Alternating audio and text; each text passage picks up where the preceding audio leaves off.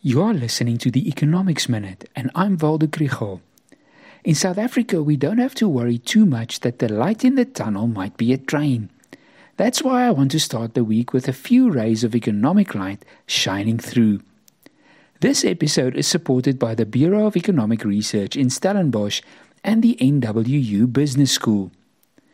The big one is that the Federal Reserve Bank decided to leave interest rates unchanged last week. Over the course of 10 consecutive meetings, they increased their policy rate by a cumulative 5 percentage points. The Federal Open Market Committee says that they realize that monetary policy affects economic activity and inflation with a lag. So they now want to wait and see what the impact of previous increases have been.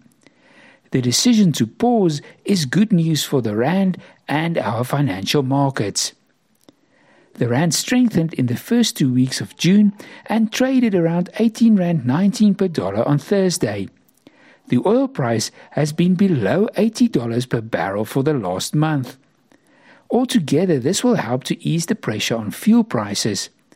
That in turn will help with the cost of everything that's transported and wherever generators run.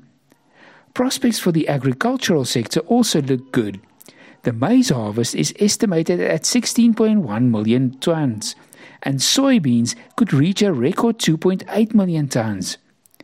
Later this week, May's consumer price inflation figure will be announced, and economists expect that the rate have decreased further to 6.4%.